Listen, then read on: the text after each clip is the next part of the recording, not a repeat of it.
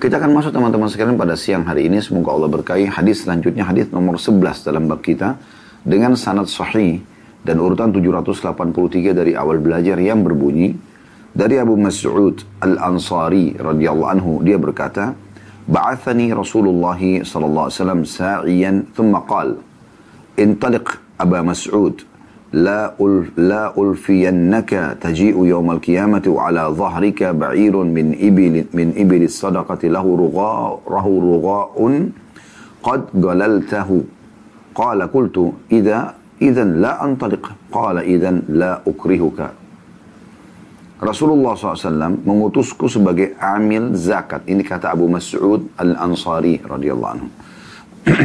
Beliau mengatakan Rasulullah saw mengutusku sebagai sebagai amil zakat kemudian beliau bersabda berangkatlah wahai Aba Mas'ud.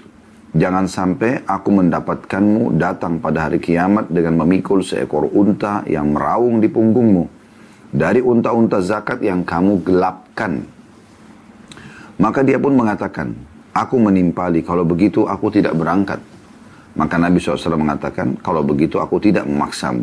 Hadis ini diriwayatkan oleh Abu Dawud hadis ini menguatkan sama halnya sebagai pekerja amil zakat, Anda bisa diberikan oleh atasan Anda bagian daripada gaji. Karena Anda amil zakat. Tapi bukan Anda ambil sendiri. Ya. Jangan Anda menjadikan diri Anda menisbatkan, oh saya kan ambil zakat, berarti sedekah yang sedang saya bagikan, saya lebih berhak menerimanya. Lalu kemudian Anda memberikan kebutuhan dasar Anda. Seakan-akan Anda salah satu dari mustahik tersebut. Atau orang yang berhak menerimanya. Ini tidak boleh karena Anda sebagai pekerja. Kalau memang Anda mau seperti itu, Anda tidak usah masuk sebagai amil, pekerja, untuk mengumpulkan zakat atau alokasikan zakat, ataupun sedekah dari sebuah lembaga, Anda menjadi fakirnya. Kalau memang Anda fakir, Anda minta saja. Tapi kalau Anda status sebagai amil, ini nggak boleh. Dan ada keutamaan besar ya. Bagi semua amil-amil zakat ini, amil sedekah ini, yang mengumpulkan, yang mengalokasikan pahala mereka itu berlipat-lipat ganda.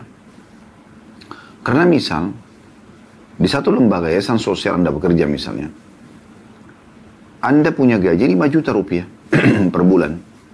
Dan tugas Anda memang mengumpulkan zakat, ya, menghubungi para donatur, kemudian menjalankan dan mengaplikasikan program-program yang ada bagi sembako, apa segala macamnya, sebagaimana umumnya di yayasan-yayasan sosial. Maka contoh misalnya gaji Anda 5 juta, tapi dana yang dialokasikan oleh lembaga yang sedang Anda bekerja dan Anda termasuk punya andil di situ, karena Anda yang kumpulin, Anda yang jalankan, misal contoh 10 miliar.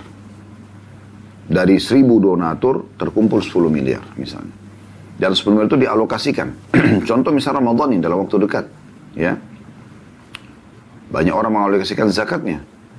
Di saat zakat itu dialokasikan, Anda yang kumpulin, Anda yang buat programnya, buat flyernya, Anda yang melihat, mengecek di rekening, Anda yang mengalokasikan kepada para mustahik, orang yang pantas untuk menerima sesuai dengan program yayasan Anda, 10 miliar misalnya.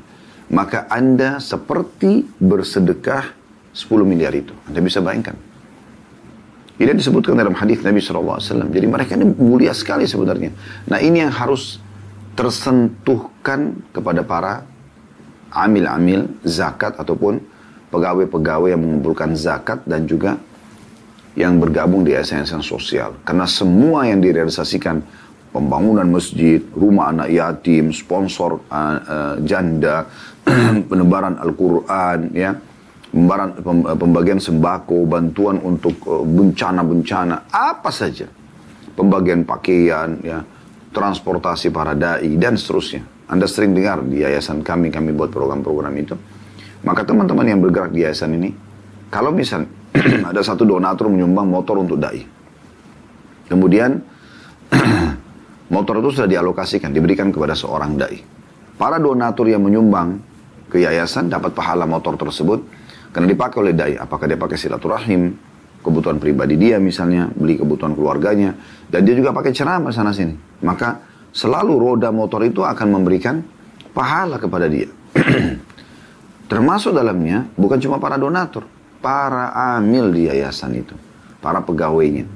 ya, pendiri yayasan tersebut, kepala ketua yayasannya, semua yang terlibat dalam masalah program tersebut panen pahala. Ini luar biasa. Oleh karena itu tidak ada pikiran hak muncul dari seseorang amil ya, untuk mengambil untuk pribadinya di situ. Maka ini dimaksud oleh Nabi Shallallahu Alaihi Wasallam. Ya, dan makna daripada potongan hadis Nabi SAW, Qad galaltahu atau unta yang kamu gelapkan. Kenapa dikatakan unta di sini? Karena memang tiga jenis hewan, yaitu unta, sapi, dan domba atau kambing. Ini zakatnya dari jenis hewannya sendiri. Jenis hewan, bukan, tidak boleh dikeluarkan dalam bentuk uang. Gitu kan. nah ini, teman-teman sekalian, kalau makna daripada potongan sabda Nabi SAW, kalau kau gelapkan, artinya kalau kau tidak gelapkan, sampaikan apa adanya.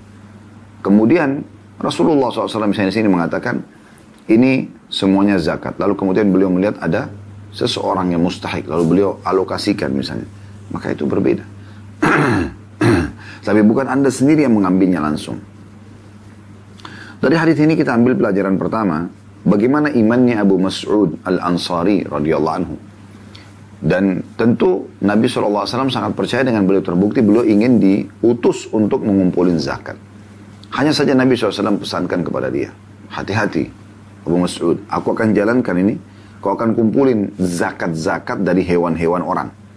Kumpulin semua, ada berapa ratus, berapa ribu ekor unta, sapi, domba, kumpulin semua. Kamu yang bertugas. Tapi hati-hati, jangan sampai kau berpikir, kamu termasuk orang yang mustahik sementara kau bekerja untuk itu. Nanti kalau unta-unta itu, hewan-hewan itu dialokasikan kepada orang-orang yang berhak, maka mereka kembang biakkan, jadikan sebagai diternak misalnya, atau mereka makan daging, atau mereka peras susunya, kau akan panen pahala nih. Tapi kalau ada yang kau gelapkan, kau ambil satu ekor karena jumlahnya banyak, tentu kami tidak bisa kontrol itu. Ya, itu makna kata Nabi SAW ya. Hati-hati maka dia akan datang di punggungmu nanti hari kiamat dan mengeluarkan suara. Ya. Rugo ya. atau unta itu akan meraung di atas punggung. itu satu ekor unta. Kalau untanya banyak, luar biasa menyiksa pada hari kiamat nanti di punggung. Unta saya satu ekor nggak mungkin kita bisa pikul, apalagi kalau banyak yang dikhianati gitu kan.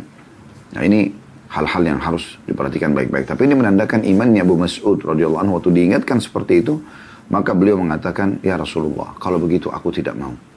Jangan tugaskan aku maksudnya." Nah, aku khawatir. Makanya di sini dalam bab kita tadi sudah kita bacakan um, anjuran orang kalau mau mengumpulkan zakat, uh, punya yayasan sosial dan dia jalankan dengan baik, pahalanya besar. Tapi ada anjuran untuk meninggalkan kegiatan itu kalau orang yang merasa tidak mampu. Khawatir nanti jangan sampai dia malah terjerumus. Nah ini perlu digarisbawahi. itu pelajaran pertama tentang iman Abu Mas'ud Al-Ansari radhiyallahu anhu. Ini sejalan dengan sabda Nabi SAW. Min husni islamil mar tarkuh ma la ya'ni. Mening, uh, termasuk kesempurnaan iman seseorang muslim adalah dia meninggalkan apa yang tidak bermanfaat bagi dia atau berbahaya bagi dia. Ya. Juga uh, sabda Nabi SAW, la darar wala dirar.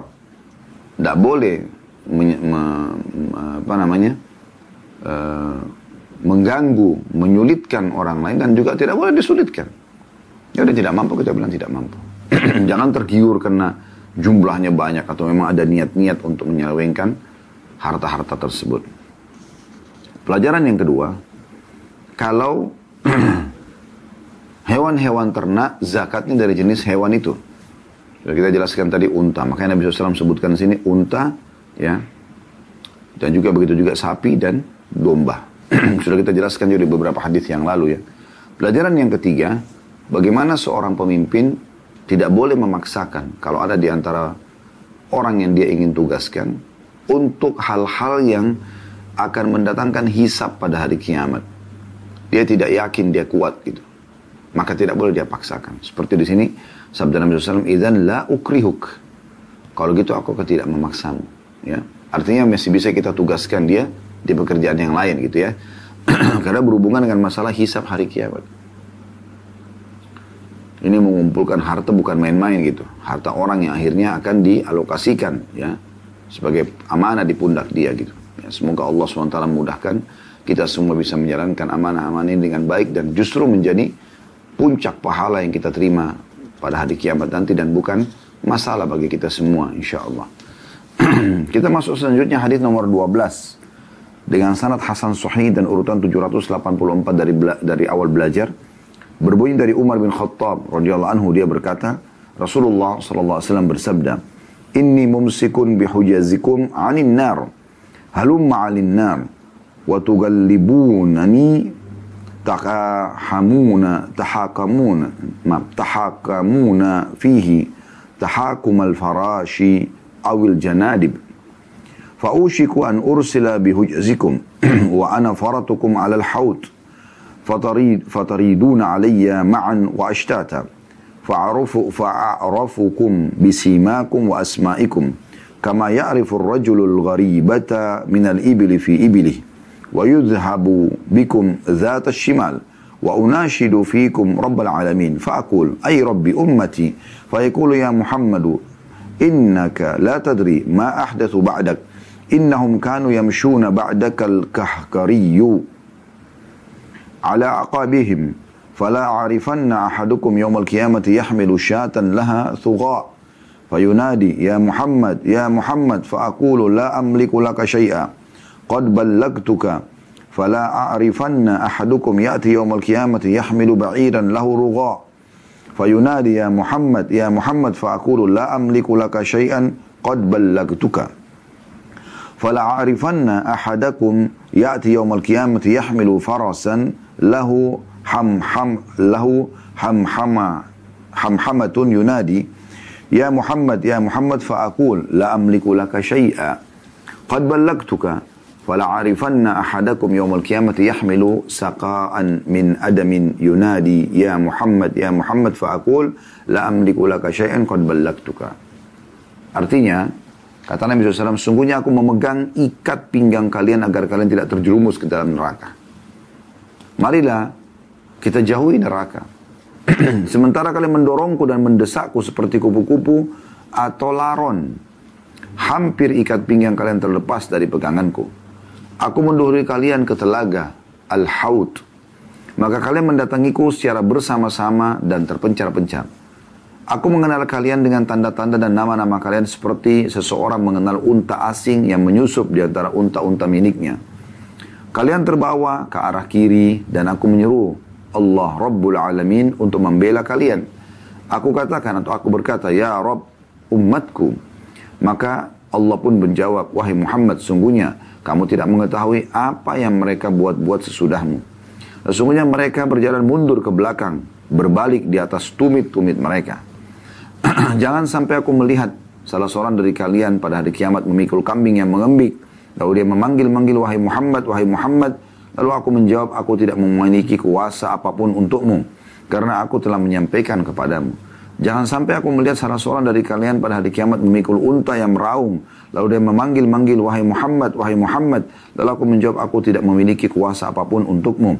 Karena aku telah menyampaikan kepadamu. Jangan sampai pula, aku melihat salah seorang dari kalian pada hari kiamat memikul kuda yang meringkik. Dia memanggil-manggil, wahai Muhammad, wahai Muhammad. Lalu aku menjawab, aku tidak memiliki kuasa apa pun untukmu. Karena aku telah menyampaikan kepadamu. Jangan sampai aku melihat juga salah seorang dari kalian pada hari kiamat memikul kantong air dari kulit. Lalu dia memanggil, wahai Muhammad, wahai Muhammad. Karena aku menjawab, aku tidak memiliki kuasa apa pun untukmu. Karena aku telah menyampaikan kepadamu. Hadis ini diriwayatkan oleh Abu Ya'la, Al-Bazzar. Dan hanya saja Al-Bazzar menggantikan saqa, kantong air, dengan kasya'a, kantong air kering. Dan sanatnya dikatakan la ba'sa Artinya adalah tidak masalah dan Syekh Albani menyatakan hadis ini hasan sahih. Hadis yang cukup panjang ini adalah peringatan yang sangat mulia dari Nabi Wasallam kepada orang-orang yang bertugas ya, dalam kegiatan-kegiatan sosial dan harus hati-hati sekali. Namun kita ambil coba kita bedah satu persatu mutiara dari hadis ini. Yang pertama adalah bagaimana Nabi Wasallam memang selalu berusaha agar kita sebagai umatnya selamat dari api neraka. Dan itu yang dilakukan oleh beliau Wasallam. Beliau selalu menyampaikan kebaikan-kebaikan. Beliau selalu mengingatkan agar jangan melakukan pelanggaran. Beliau menyampaikan dari hal yang kecil, dari perintah-perintah yang sunnah sampai kepada yang wajib. Bahkan tidak ada sesuatu yang kita butuhkan untuk masuk ke dalam surga kecuali sudah dijelaskan. Yang kita butuhkan untuk selamat dari neraka kecuali sudah dijelaskan. Hanya saja memang banyak orang di antara kita yang tidak mau mengambil peluang itu.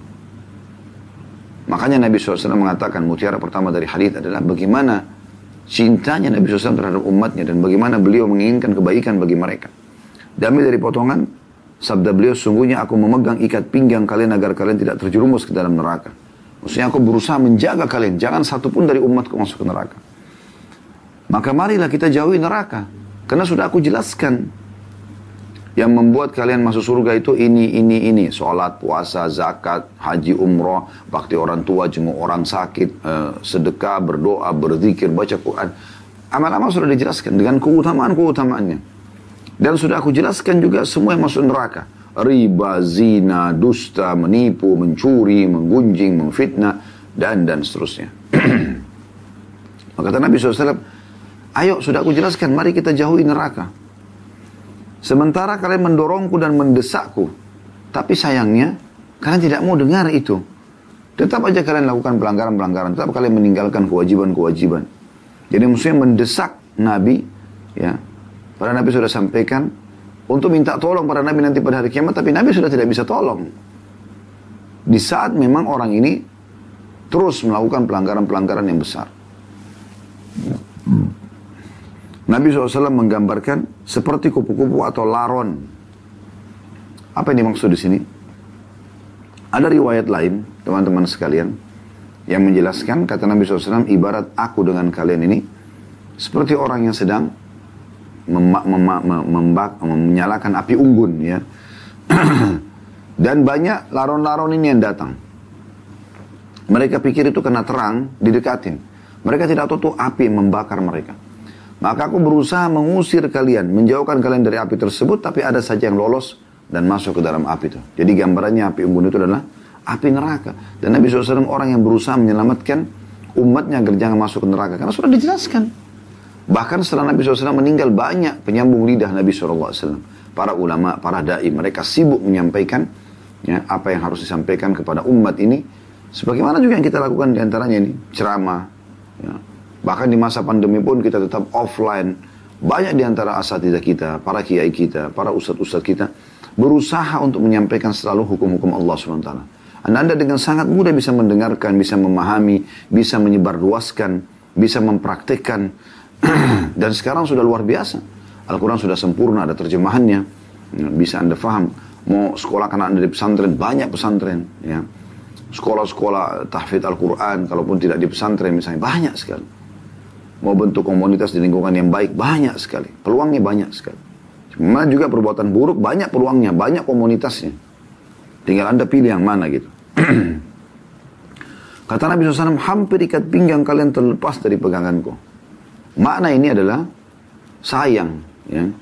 Banyak di antara kalian pada saat aku sel mau selamatkan dia tidak mau. Dan akhirnya bisa lepas dari tanganku. Bisa masuk ke neraka gitu. Nah ini bentuk cinta Nabi Sallallahu alaihi wa ala alihi wa sahbihi. Kemudian mutiara yang kedua dari hadis adalah potongan dari sabda Nabi SAW, aku mendahului kalian ke telaga Al-Haud. Jadi ada dua telaga Nabi SAW, ada haud di mahsyar, dan ada Al-Kawthar, dalam surah Al-Kawthar itu di dalam surga. Haud ini dijelaskan banyak cirinya. Jadi mutara yang kedua adalah penjelasan haud Nabi SAW. Nabi SAW menjelaskan haudku, ya, itu antara Mekah dengan Bahrain, ya, atau kama Nabi SAW. Jadi sangat besar. Ya dan dia diisi dengan canteng-canteng atau gelas untuk minum. Itu sejumlah bintang di langit miliaran. Siapa yang minum seteguk dan dia tidak akan haus selamanya. Semua kita ya, insya Allah umat Muhammad SAW akan minum dari situ. Dan sumber airnya ini dari surga. Kalau orang-orang yang tidak punya masalah tidak murtad dari Islam dan mereka sudah lolos dari timbangan amal maka mereka akan bisa minum dan bersama insya Allah Nabi SAW masuk dalam surga. Namun ada sebagian orang tidak. Nabi SAW gambarkan di sini. Ada yang datang kepada Nabi SAW nanti ke haud itu rame-rame. Ada juga yang datang sendiri-sendiri. Ya. Setelah selesai urusan dia dengan Allah Subhanahu Wa Taala. Lalu kata Nabi SAW, aku mengenal kalian dengan tanda-tanda dan nama-nama kalian seperti ya, seseorang mengenal unta asing yang menyusup di antara unta-unta miliknya. Maksudnya Nabi SAW mengenal para sahabat beliau dan mengenal juga umatnya. Ini berhubungan sekali dengan sebuah hadis yang lain. Kata Nabi SAW, aku ingin sekali bertemu dengan saudara-saudaraku. Kata para sahabat, ya Rasulullah, kami saudara-saudara anda. Kata Nabi SAW, bukan. Karena ini adalah sahabat-sahabatku. Saudara-saudaraku yang datang sepeninggalku nanti. Jadi kita-kita ini dianggap saudara Nabi SAW. Lalu kata para sahabat, bagaimana anda mengenal mereka ya Rasulullah? Padahal anda ya sudah menjadi tanah, maksudnya masuk meninggal. dan Maksudnya kita tidak pernah ketemu. Nabi tidak pernah ketemu kita, kita pun tidak pernah ketemu Nabi. Kita cuma mendengarkan. Gitu kan. Kata Nabi SAW, mereka akan dibangkitkan hari kiamat. Ya, dari tempat-tempat uduk yang tersedia uduk ya. Telapak tangan, tangan, umumnya tangan sampai siku, wajah, kepala, kemudian kaki. Mengeluarkan cahaya yang terang. Bukankah seseorang, kata Nabi SAW, yang memiliki kuda, ya, di bagian bulu bagian dahinya, dan keempat kakinya berwarna putih bisa dibedakan dari kuda-kuda yang lain? Walaupun badannya berwarna beda tapi ini kakinya empatnya dan dahinya ini atau bagian kepalanya ya itu berwarna putih bisa dibedakan dengan kuda-kuda yang lain kata para sahabat iya ya. Maka Nabi SAW maksudnya akan mengenal sahabat-sahabatnya karena beliau mengenal atau umatnya yang datang kayak kita kita ini dari bekas udu itu itu yang mengatakan di sini dan aku akan mengenal kalian dengan tanda-tanda Ya, tanda maksudnya adalah bekas wudhu. Ini yang paling jelas dalam hadis yang lain. Dan nama-nama kalian, ya, nama-nama sahabat beliau kenal, atau nama-nama umat Islam, karena kita punya nama kan. Orang tahu Muhammad, Ahmad, Yusuf, Daud. Oh, tahu nama-nama umat Islam langsung. Walaupun ada orang non muslim yang namakan dirinya seperti ini, maka orang kira dia muslim. Ada ciri khas kita. Dan ini ada motivasi tersendiri untuk menggunakan nama-nama Islam. Nama-nama yang baik. Kata Nabi SAW, gunakanlah nama-nama yang terbaik. ya. Karena dengan nama itu kan akan dipanggil nanti pada hari kiamat. Jadi anjurkan menggunakan nama-nama para nabi. Gitu ya. Dan ini sekaligus kita masuk ke mutiara yang ketiga. Tentang anjuran agar menggunakan nama-nama yang baik. Diambil juga dari hadis ini. Jadi nama yang terbaik bagi laki-laki adalah Abdullah dan Abdurrahman. Sebagaimana kata Nabi SAW, nama yang paling Allah cinta adalah Abdullah dan Abdurrahman. Ya. Kemudian semua nama yang terisbatkan penghambaan kepada Allah Abdul Ghafur, Abdul Syakur dan seterusnya. Datang setelahnya nama-nama para nabi. Adam, Nuh, Saleh, Shu'aib, Lut, Ibrahim, Ishak, Yakub, Yusuf, Daud, Sulaiman, ya, Ilyasa, ya, kemudian Zakaria, Yahya, uh, Ayub, ya, uh, Saleh, Shu'aib, kemudian eh, Isa, Musa, Isa, Harun, Muhammad alaihissalam. Ini nama-nama yang mulia semua. Kita pilih, cuma pilih satu nama. Ini sering kami ingatkan. Pilih satu nama. Jangan Muhammad Yusuf Harun. Muhammad Nabi, Yusuf Nabi, Harun Nabi. Yang mana dia mau pilih ini? Tapi kan Ustaz paspor saya butuh tiga kosakata. Baik, nama Anda, nama Anda Muhammad. Nama ayah Anda Yusuf. Baik, Muhammad Yusuf. Betul. Muhammad bin Yusuf kan gitu. Tiga nama Ustaz. Nama kakeknya. Nama kakeknya misalnya Abu Bakar, Muhammad Yusuf Abu Bakar misalnya. Kan begitu. Kemudian setelah itu nama-nama para sahabat, nama-nama orang saleh dari kalangan sahabat, dari kalangan tabi'in, tabi' tabi'in dengan berharap bisa menjadi seperti mereka gitu. Ya, ini nama-nama yang boleh dan ini nama-nama umat, Islam. Tapi kan sudah banyak orang namanya Muhammad Ustaz. Tidak masalah. Banyak orang namanya Abdullah. Tidak masalah. Tidak ada masalah, tidak ada, tidak ada, tidak ada hubungannya gitu. Ya. Tetap orang bisa mengenalnya. Sudah banyak orang sebelum kita namanya sama, tapi orang bisa bedain yang mana yang soleh, yang mana enggak. Orang bisa mengenalnya dari bin siapa gitu kan. Dari suku mana orang tahu, dari wilayah mana. Kemudian setelah itu datang juga nama-nama yang sifatnya bermakna baik. Walaupun tidak bahasa Arab, tapi umumnya dikenal makna-makna baik. Kalau bagi perempuan, nama yang terbaik adalah empat wanita pemimpin wanita di surga nanti. Khadijah, istri pertama Nabi SAW, radhiyallahu anha. Fatimah ya, Al-Batul radhiyallahu anha ini anak kecintaan Nabi SAW dari empat anak perempuan beliau ini yang paling beliau cintai Fatimah radhiyallahu anha kemudian yang ketiga adalah Asia istrinya Fir'aun yang beriman. Kemudian yang keempat Maryam adalah ibunya Nabi Isa alaihissalam ini nama empat nama yang mulia. Kemudian boleh kita pakai nama-nama ummahatil mukminin istri-istri Nabi ya. Ada Aisyah ada Zainab ada Hindun ya. Ada Juwairiyah ada Sofia ada Hafsa. Ini kita bisa pakai nama-nama mereka Ya. Yang insya Allah nama-nama ini nama mulia dengan niat supaya seperti ummahatil mu'minin. Lalu kemudian nama-nama sahabiat Nabi. Nusaibah misalnya, Sumayyah, dan nama-nama yang lain ini banyak nama-nama sahabat yang bisa ambil atau nama-nama yang maknanya baik. Ini nama-nama umat Islam. Ini pelajaran yang ketiga. Pelajaran yang keempat yang bisa diambil adalah adanya orang-orang yang sempat masuk Islam di zaman Nabi SAW lalu mereka murtad. Ini perlu kita jadikan poin sendiri keempat. Ciri mereka ini mereka murtad. Ada kelompok Syiah, mereka menyatakan sahabat kafir. Di antaranya karena ada hadis ini gitu. Lalu memukul rata semuanya. Tidak saudaraku. Yang kafir di antara mereka adalah jelas orang-orang yang setelah meninggal Nabi SAW, buku-buku sejarah dan fakta ya, sejarah membicarakan masalah itu. Kalau yang murtad itu adalah pala penolak zakat. Mani zakat yang diperangi oleh Abu Bakar radhiyallahu anhu. Bukan Abu Bakarnya yang kafir. Gitu kan? Kemudian juga kelompok-kelompok yang sempat masuk Islam di akhir-akhir hidup Nabi SAW karena takut saja, takut diserang oleh kaum muslimin. Setelah itu mereka murtad, mereka jadi pengikut Musailam al-Kadzab, al-Aswad al-Unsi, dua, dua orang yang menabi, mengaku dirinya sebagai nabi palsu yang diperangi juga oleh Abu Bakar. Dan mereka-mereka ini nanti datang hari kiamat nih, dikatakan oleh Nabi SAW. Mereka akan datang pada hari kiamat nanti. kemudian diarahkan ke arah kiri. Maknanya ke arah kiri maksudnya ke arah penduduk neraka. Dalam hadis lain, mereka menuju ke haudku tapi dihalangi oleh para malaikat. Lalu aku berkata, ya, ya Allah, ini umatku. Dalam riwayat lain, ini sahabatku. Aku tahu mereka hidup bersamaku dulu. Maka kata Allah SWT, Hai Muhammad, kau tidak tahu apa yang mereka lakukan sepeninggalmu. Mereka murtad dari agama. Jadi di antara mereka seperti itu. Ini tidak dinyatakan lagi sebagai sahabat Nabi. Kenapa? Karena definisi sahabat dikatakan oleh para ulama yang yang melihat Nabi atau bertemu dengan Nabi secara langsung beriman kemudian meninggal dalam para iman tersebut. Kalau mereka tidak bertahan sampai mati dalam keadaan Islam dan iman, maka tidak dikatakan sahabat. Hmm? Ini pelajaran penting. Pelajaran yang kelima, peringatan dan wasiat Nabi Shallallahu Alaihi Wasallam. Nah, ini jadi inti bahasan kita adalah hadis jangan sampai berkhianat.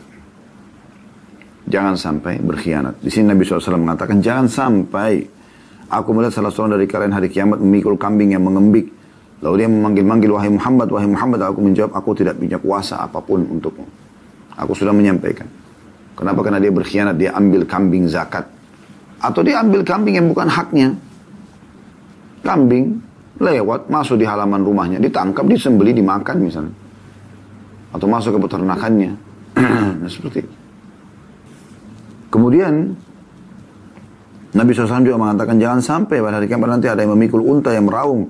Lalu dia menang, memanggil wahai Muhammad, wahai Muhammad. Maka aku menjawab, aku tidak memiliki kuasa apa pun untukmu. Ya. Karena aku telah menyampaikan kepadamu. Sama, dia khianati juga unta zakat. Sebagaimana hadis tadi sebelumnya, ini masuk dalam bab zakat ya. Atau dia ambil secara umum unta yang bukan milik dia. Jangan sampai juga orang datang memikul kuda yang meringkik. Kalau dia memanggil, wahai Muhammad, wahai Muhammad, tolong saya, tolong saya umatmu ini. Kata Nabi SAW, aku tidak punya kuasa apa pun untukmu. Tidak bisa aku bantu apa-apa. Aku sudah menyampaikan, jangan, jangan, bahaya. Ambil yang hakmu saja. Dan jangan sampai seseorang dari kalian datang dengan memikul kantong air saja dari kulit. Ini yang paling sederhana ya. Botol air, gelas, wadah untuk minum. Semua orang bisa beli. Ya. Walaupun yang murah yang dari plastik bisa dibeli. Tapi jangan ambil punya orang. Di datang hari kiamat, dan dia memanggil, wahai Muhammad, Muhammad tolong saya. Karena ini gara-gara ini saya mau dihisap sama Allah. Gitu. Lalu aku mengatakan kepada dia, aku tidak bisa. Aku tidak punya kuasa apa pun padamu, ya, maka aku sudah menyampaikan. Hati-hati teman-teman sekalian. Yang bukan hak kita, jangan disentuh. Walaupun hal kecil. Bahkan dalam Islam ada bab khusus namanya bab lukota. Apa itu lukota? Benda yang anda temukan yang bukan hak anda di pinggir jalan. Handphone, dompet, apa saja. Paling aman jangan disentuh. Udah biarin aja. Kecuali dibawa ya eh, kekuasaan anda. Maksudnya apa kekuasaan? Jadi memang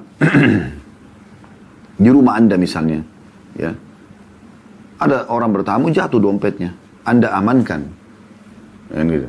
handphonenya anda amankan supaya jangan sampai tamu lain datang mungkin ada yang tidak baik lalu mengambilnya misalnya. Tapi kalau di pinggir jalan, anda tidak punya kuasa di situ, jangan disentuh. Karena bisa saya setelah anda ambil, anda mau amankan, ternyata ya orangnya datang lima menit kemudian, kan begitu. maka jangan diambil. Kalau Anda ambil, maka Anda harus siap mengiklankan selama satu tahun. Ini ada bab sendiri, ada bab khusus bahasan masalah ini. Maka ini penting. Saya pernah masuk ke satu supermarket dengan istri di satu waktu pernah malam hari. Kami biasa kalau pergi agak malam, jadi supaya eh, apa namanya tidak terlalu ramai. Pada saat sudah mau tutup ya, kita juga lebih leluasa, tidak terlalu macet dan segala macam pertimbangan. Pas lagi di kasir kebetulan kami konsumen terakhir. Di depan kami ada satu konsumen lagi bayar. Rupanya di lantai ada tergeletak uang 100 ribu rupiah. Istri saya kasih isyarat tadi. Terus saya balas. Saya cuma saya tidak bicara cuma saya ayunkan tangan. Maksud saya jangan dicampuri. Biarkan aja. Karena kita bukan pemilik supermarket itu. Kalau pemilik supermarket yang mengamankan lain. Dia kita nggak usah gitu. Kecuali kita cuma mau bilang ini ada uang yang jatuh misalnya itu lain. Kalau kita nggak usah campur, jangan. Itu jauh lebih aman. Ya. Karena ini berbahaya sekali. Apalagi kalau sampai ada orang yang naudzubillah yang disoroti dalam hadis ini justru dia mengambil lalu dia menggunakan gitu. Saya pernah subhanallah jalan di satu jalan keluar dari satu restoran di Jakarta. Pas naik mobil, handphone saya jatuh. Qadar Allah masyafal jatuh. Beberapa tahun yang lalu ini gitu.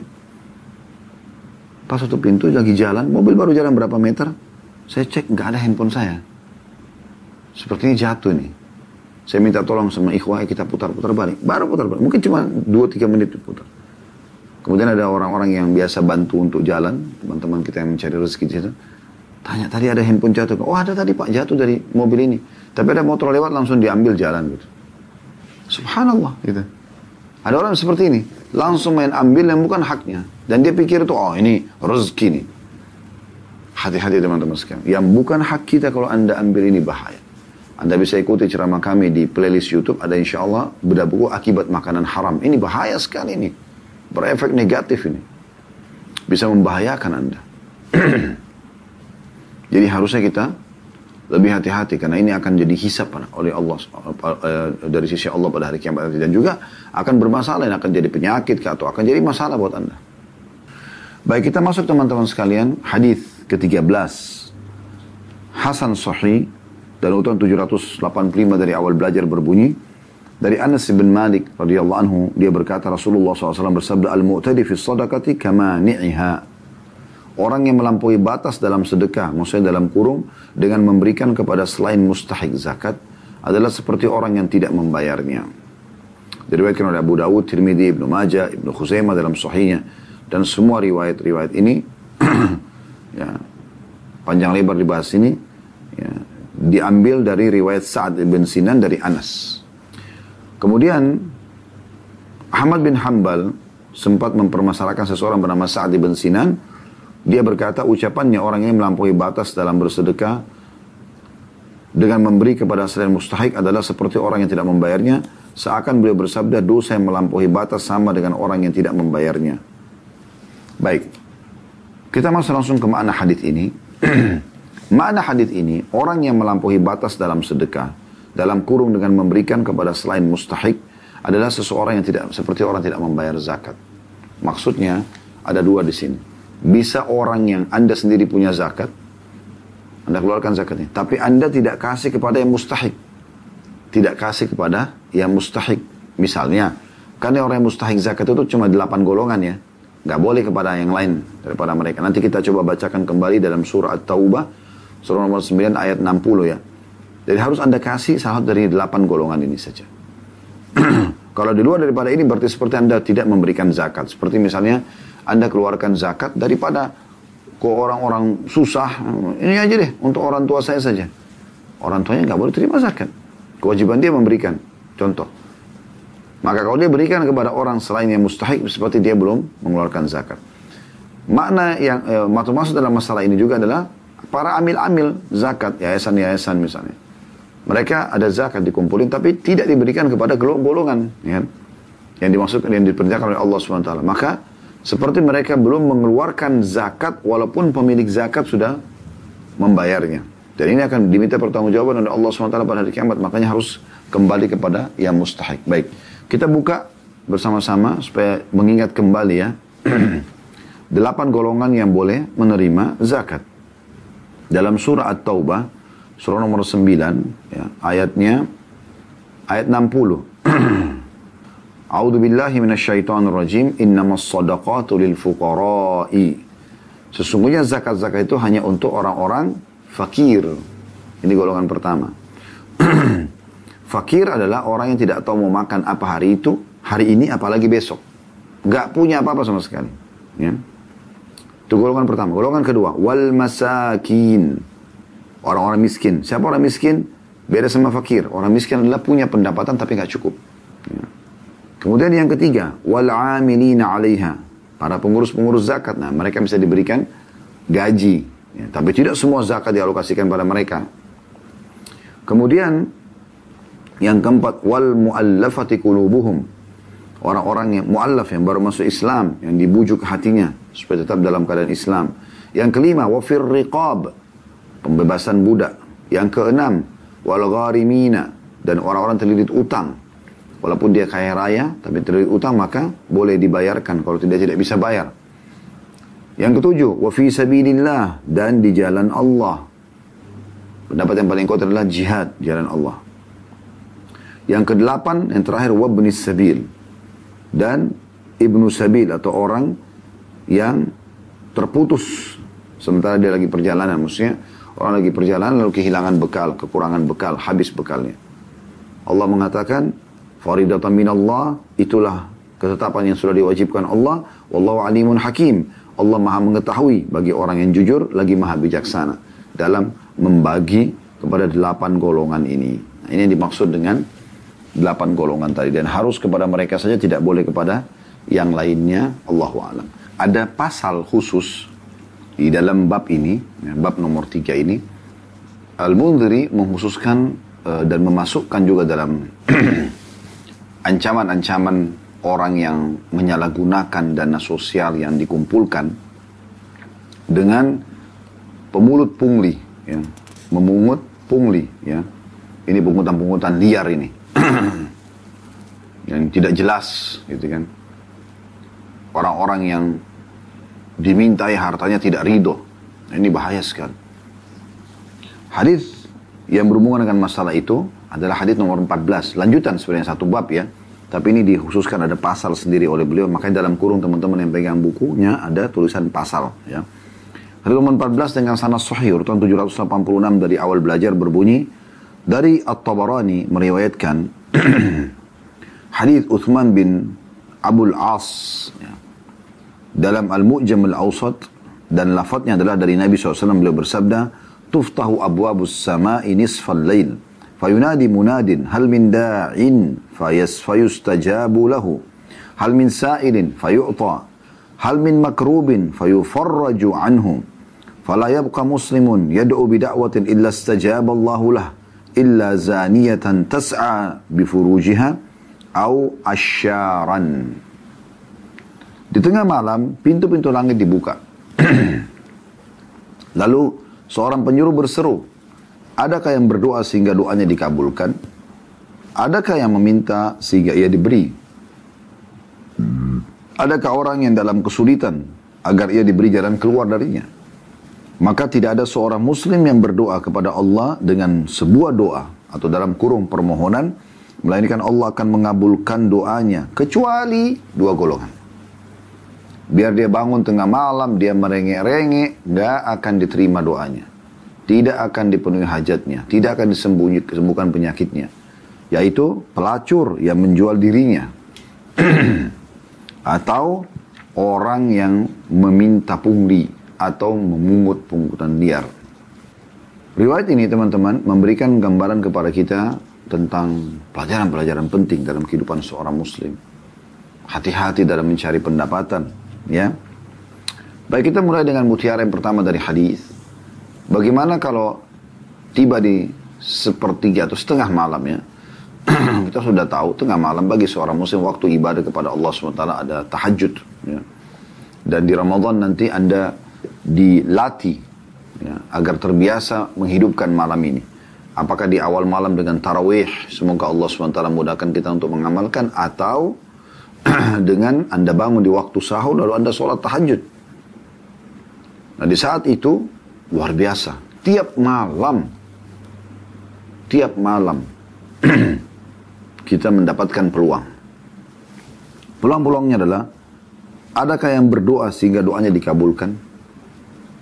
Ada yang punya permintaan dikabulkan? Adakah yang meminta sehingga dia diberi? Tentu kalau berdoa maksudnya apa saja bisa minta diberikan sesuatu atau dihilangkan darinya satu mara bahaya. Kalau dia meminta mungkin secara khusus hajatnya saja yang dia ingin.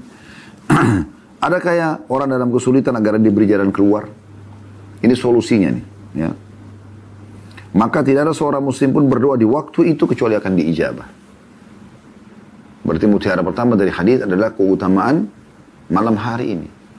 Dan sudah pernah kita bahas khusus ya tentang masalah sholat malam. Anda bisa lihat di playlist YouTube. Insya Allah ada bahasan tentang masalah sholat malam. Sering kita ulang-ulangi. Bahkan pernah beda buku khusus tentang sholat tahajud atau sholat malam.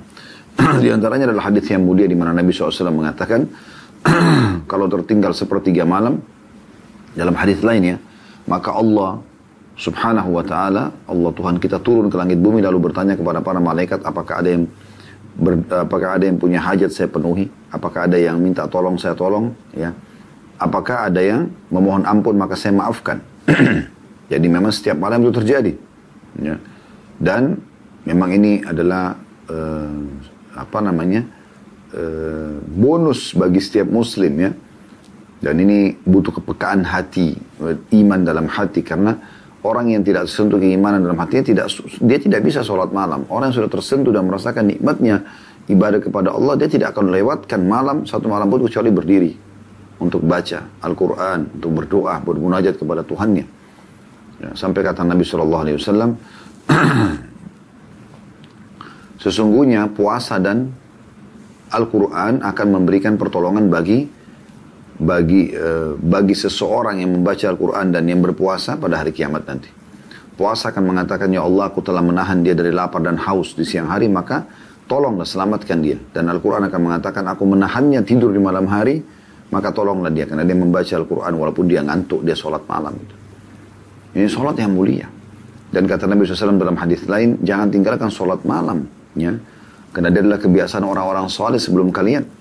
Demikian juga dengan sabda Nabi SAW yang lain, di mana beliau mengatakan, atau Aisyah berkata, anha, jangan kalian tinggalkan sholat malam. Ya, karena sungguhnya Rasulullah SAW tidak pernah tinggalkan sholat malam dalam dalam bahkan dalam kondisi beliau sangat letih pun beliau tetap sholat walaupun dalam keadaan duduk. Jadi ini memang luar biasa gitu. Bagaimana kalau anda punya salah satu hajat dunia saja, misal contoh anda punya hajat untuk dibebasin tanahnya misalnya. Atau dibantu dalam satu perkara apa misalnya urusan dunia. Lalu kemudian orang yang siap membantu anda ini memberikan syarat. Boleh tapi datang ke rumah saya jam 3 malam. Misal contoh. ya Mungkin datang jalan kaki tidak pakai sendal. Misal. Tanpa kendaraan. Pakai baju jenis ini misalnya. Mungkin anda akan lakukan. Karena anda pikir hajat anda akan dipenuhi. Subhanallah. Rabbul Izza wal Jalal. Tuhan yang maha mulia dan maha tinggi. Ya itu tiap malam memberikan peluang ini kepada kita. Kenapa kita nggak sujud teman-teman? Karena kita tidak tinggalkan ranjang kita. Dan Allah SWT memuji hamba-hambanya yang bangun di waktu itu. Dalam surah saja tatajafa jurum anil madaji yaduna rabbum khawfun wa tama' wa mimma razaqnahum yunfikun. Jauh lambung-lambung mereka dari tempat tidur mereka. Mereka memohon kepada Tuhan mereka. Perlu rasa tamak terhadap rahmat Allah dan takut. Dan mereka suka berinfak apa yang mereka suka mengeluarkan apa yang kami berikan sebagai rezeki untuk mereka. Jadi Allah puji mereka. Jadi kita harusnya menghidupkan malam itu. Ya, karena ini peluang besar. Dan insya Allah dengan momentum Ramadan, kita akan terbiasa nanti bangun sahur ya satu jam dua jam sebelum subuh maka itu peluang mas sebulan penuh kita dibiasakan supaya nanti sebelas bulan setelah Ramadan kita akan biasakan diri kita untuk bangun di waktu-waktu ini. Kemudian yang kedua ini jadi saksi bahasan kita ya bahwasanya ada dua golongan yang tertolak doanya malam hari itu walaupun dia bangun di sepertiga malam. Yang pertama dan ini mutiara yang kedua ancaman bagi para pezina. Pezina yang menjual kemaluannya. hidup dari situ. Selalu berhujah, kan tidak ada pekerjaan lain. Saya mau hidup bagaimana? Subhanallah. Banyaknya pekerjaan bisa membantu menjadi pembantu rumah tangga, ya. bisa melamar uh, bekerja di eh, toko-toko kecil, bisa banyak bisa dikerjakan, jual jasa daripada jual kemaluan yang memang itu hanya untuk satu laki-laki yang halal itu suami saja, tidak boleh yang lain. Orang seperti yang tidak akan diijabah doanya. Ini mutiara yang kedua tentang ancaman kepada para pezina. Ada bahasan sendiri babnya tapi kita singgung secara umum saja. Kemudian mutiara yang ketiga adalah golongan kedua yang tidak diterima doanya. Pungli, pemungut pungli. Apa itu pungli? Pungutan-pungutan liar yang mem, yang yang bisa dua hal di sini. Bisa memang dengan cara merampok, premanisme, atau memang uang yang dikumpulkan diambil tapi orang yang memberi tidak suka. Masuk istilah liar. Jadi ini dua golongan tidak akan diterima doanya di malam hari pada itu waktu mulia. Kita masuk ke hadis selanjutnya. hadis nomor 15 dengan sanad sahih urutan 787 dari awal belajar dari Abul Khair dia berkata, "Arada arada Maslamah bin arada Maslamah bin Mukhallad wa kana amiran ala Misra ala Ruwayfi'i Ruwayfi'i رويفع بن رويفع بن ثابت رضي الله عنه أن يوليه العشور فقال إني سمعت رسول الله صلى الله عليه وسلم يقول إن صاحب المكسل في النار Maslamah bin Mukhallad ya, yang saat itu menjabat sebagai gubernur Mesir menawarkan kepada Ruwaifi bin Thabit radhiyallahu anhu agar menangani upeti ya, pemungutan ya, uang yang diambil. Dia menjawab, aku pernah mendengarkan Rasulullah SAW sana pemilik pungli atau putih adalah di neraka. Diriwayatkan oleh Ahmad dan riwayat Ibnu Lahiyah. Dan At-Tabarani dengan riwayat yang senada. Dan dia menambahkan, yakni al-ashir, ialah orang yang meminta pungli. Hadis ini memberikan pelajaran kepada kita tentang yang pertama, keimanan Ruwaifi' ibn Thabit radhiyallahu anhu. Bagaimana Ruwaifi' ibn Thabit ini menolak untuk ditugaskan oleh salah satu gubernur untuk memungut dari masyarakat ya, pungli. Pungutan yang memang tadi saya bahasakan tidak disukai oleh orang. Karena ada hadis lain yang berbunyi, teman-teman sekalian, uh, tidak boleh harta seorang muslim diambil kecuali dari tibat nafsih. Karena dia suka memang mau memberi. Nah itu baru boleh. Kalau tidak, maka tidak boleh. Jangan dipaksakan. Karena uang itu nanti tidak berkah gitu. Di sini bagaimana keimanan Ruwaifi' bin Thabit dia tidak mau. Dia bilang saya tidak mau. Kalau pungutan seperti ini saya tidak mau. Kalau kita iklanin sedekah, zakat, orang memberi ya silahkan. Atau hal yang diwajibkan misalnya. Zakat wajib dibayar. Kalau ada orang kaya tidak mau bayar, boleh pemerintah mengambil langkah tegas kepada dia. Kemudian yang kedua yang kita bisa ambil adalah ancaman maks. Pungli. Yang terancam akan masuk ke neraka. Kalau orang ambil harta orang yang orang itu tidak suka ya, untuk diambil. Selanjutnya mirip semua hadis-hadis ini kita akan bacakan supaya kita selesaikan bab ini. Ada tiga hadis tersisa. Hadis nomor 16 sahih li ghairihi menjadi sahih karena dikuatkan dengan riwayat-riwayat lain urutan 788 dari awal belajar berbunyi dari Abu Hurairah radhiyallahu anhu bahwa Rasulullah SAW bersabda wailun lil umara wailun lil urafa wailun lil umana'i la yatamannai la yawmal qiyamati anna dhawaibahum kanat mu'allaqatan bis surayya yatadhabdhabuna baina as-sama'i wal ard wa lam yakunu amilu ala shay Celaka bagi para pemimpin, celaka bagi orang-orang yang menangani urusan orang banyak, celaka bagi orang-orang yang diberi amanah. Sungguh akan ada beberapa kaum pada hari kiamat yang berharap ubun-ubun mereka bergantung di bintang kartika yang berayun di antara langit dan bumi. Dan mereka tidak pernah menjadi amir atau penanggung jawab atas sesuatu. Diriwayatkan oleh Ahmad dari beberapa uh, jalan dan rawi-rawinya semuanya thiqah atau terpercaya. Riwayat ini langsung saja kita masuk ke manfaatnya teman-teman sekalian atau mutiaranya ancaman bagi orang-orang yang diberikan amanah, apakah sebagai pemimpin negara, apakah sebagai para menteri, apakah sebagai yang lebih kecil lagi, ya, gubernur, wali kota, bupati, RT, RW, atau ketua yayasan, ketua satu instansi, semuanya yang diberikan amanah, atau mungkin lebih kecil ke sekolah lingkup, hal-hal yang amanah saja, atau di antara teman-temannya menitipkan sesuatu, atau ibu-ibu, arisan, Misal contoh, ini semua ancaman yang sangat berat. Ya. Bagi orang siapa? Yang tidak menjalankan amanah itu. Jadi hadis ini berlaku ancamannya bagi orang yang tidak menjalankan amanah. Mereka gampang mengumbar janji. Oh, tampil dengan penampilan seakan-akan amanah, tapi nanti akhirnya mereka berkhianat. Nah ini berbahaya sekali. Semoga Allah selamatkan kita dari situ. Nah ini hari kiamat nanti mereka berharap sekali, ya, supaya bisa selamat. Mereka berharap dulu tidak pernah bertugas. Sudah. Karena tidak ada gunanya lagi sih. Dikenang namanya ke jabatannya banyak. Itu tidak tidak ada penting, tidak penting. Mereka berpikir berharap ubun-ubunnya antara langit dan bumi tidak pernah bertugas turun di bumi. Karena memang beratnya hukuman yang akan datang pada hari kiamat. Dan hari ini memberikan gambaran kepada kita sebuah mutiara. Peringatan dari Nabi SAW untuk orang-orang yang diberikan amanah agar mereka menjalankan dan jangan sampai berkhianat. Setiap ya kegiatan dia akan diminta pertanggung jawaban hari kiamat nanti. Makanya Umar bin Khattab radhiyallahu tidak pernah tidur di malam hari kecuali sudah keliling Madinah dan memastikan tidak lagi masyarakat yang butuh kepada dia, baru kemudian dia istirahat malam hari. Dua buah hadis yang tersisa, hadis nomor 17 sahih di ghairihi menjadi sahih karena dikuatkan dengan riwayat-riwayat lain dan urutan 789 dari awal belajar berbunyi dari Abu Hurairah radhiyallahu anhu bahwa Rasulullah SAW bersabda, "Wailun lil umara'i, wailun lil urafa'i, wailun lil umana." لا يتمنين أقوام يوم القيامة أن ذوائبهم كانت معلقة بالثريا يدلدلون بين السماء والأرض وأنهم لم لم بلوا لم بلوا lam balu lam yalu lam yalu amalan. Saya ulangi.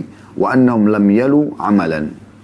Celaka bagi para pemimpin celaka bagi orang-orang yang menangani urusan orang banyak celaka bagi orang yang diberi amanah. Sungguh ada beberapa kaum pada hari kiamat yang berharap ubun-ubun mereka bergantung di bintang kartika berayun-ayun di antara langit dan bumi. Dan mereka tidak pernah memegang jabatan atas suatu pekerjaan. Hadis ini riwayat Ibn Hibban.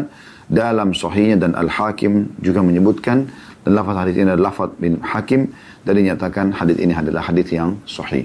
Jadi kurang lebih hadis ini mirip dengan sebelumnya ya. Mutiaranya adalah ancaman bagi semua orang yang diberikan amanah, namun mereka tidak menjalankan. Sekecil apa pun amanah itu akan diminta pertanggungjawaban pada hari kiamat nanti. Dan saking inginnya mereka selamat, maka mereka berharap belum pernah ditugaskan. Yang selama ini subhanallah orang mengejar-ngejar jabatan-jabatan, mereka lupa. Kalau di jabatan itu akan ada pertanggungjawaban nanti pada hari kiamat. Hadis yang terakhir dalam bab kita, nomor 18, ya, Hasan di ghairihi menjadi Hasan karena dikeluarkan dengan riwayat-riwayat lain. Dan urutan 790 dari awal belajar berbunyi dari Abu Sa'id dan Abu Hurairah radhiyallahu anhu mereka berkata Rasulullah SAW bersabda la ya'tiyanna 'alaikum umara'u yuqarribuna shiraran nas wa yuakhiruna as-salata 'an mawaqitiha.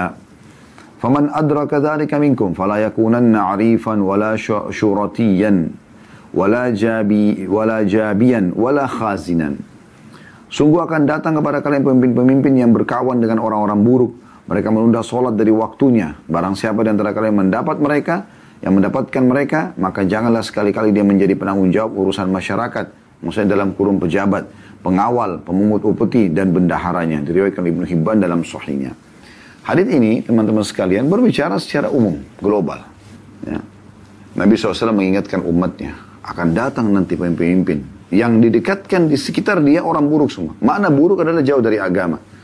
Karena orang yang jauh dari agama, mereka melakukan pelanggaran agama, maka yang dianggap buruk di pandangan syariat Allah subhanahu wa ta'ala. Maka nanti akan ada jenis-jenis pemimpin seperti ini. Mereka tidak dekat dengan para ulama, dengan para agama, de dengan para tuan-tuan agama. Yang dekat mereka semuanya orang-orang yang jauh dari agama. Bahkan bangga dengan jauh dari agama itu. Maka kalau ini ada, di zaman kalian, kata Nabi SAW, jangan pernah kalian menjabat. Karena kalau kalian menjabat, kalian akan ikut satu gerbong dengan mereka gitu. Itu yang dimaksudkan. Maka Nabi SAW merincikan, jangan jadi penanggung jawab. Jangan jadi pengawal, jangan jadi pem, jangan jadi bendaharanya. Karena pasti punya andil dan akan bersama dengan orang-orang ini pada hari kiamat wa. Baik, ini bahasan kita insya Allah dengan ini kita sudah selesai dari bab nomor tiga. Dan kita akan masuk insya Allah Jumat akan datang nanti uh, di bab keempat. Ancaman dan pengharaman meminta-minta dalam kondisi mampu. Keterangan tentang dicelanya tamak dan anjuran menahan diri dari meminta-minta. Dan harusnya memiliki sifat qanaah dan makan dari hasil usaha sendiri.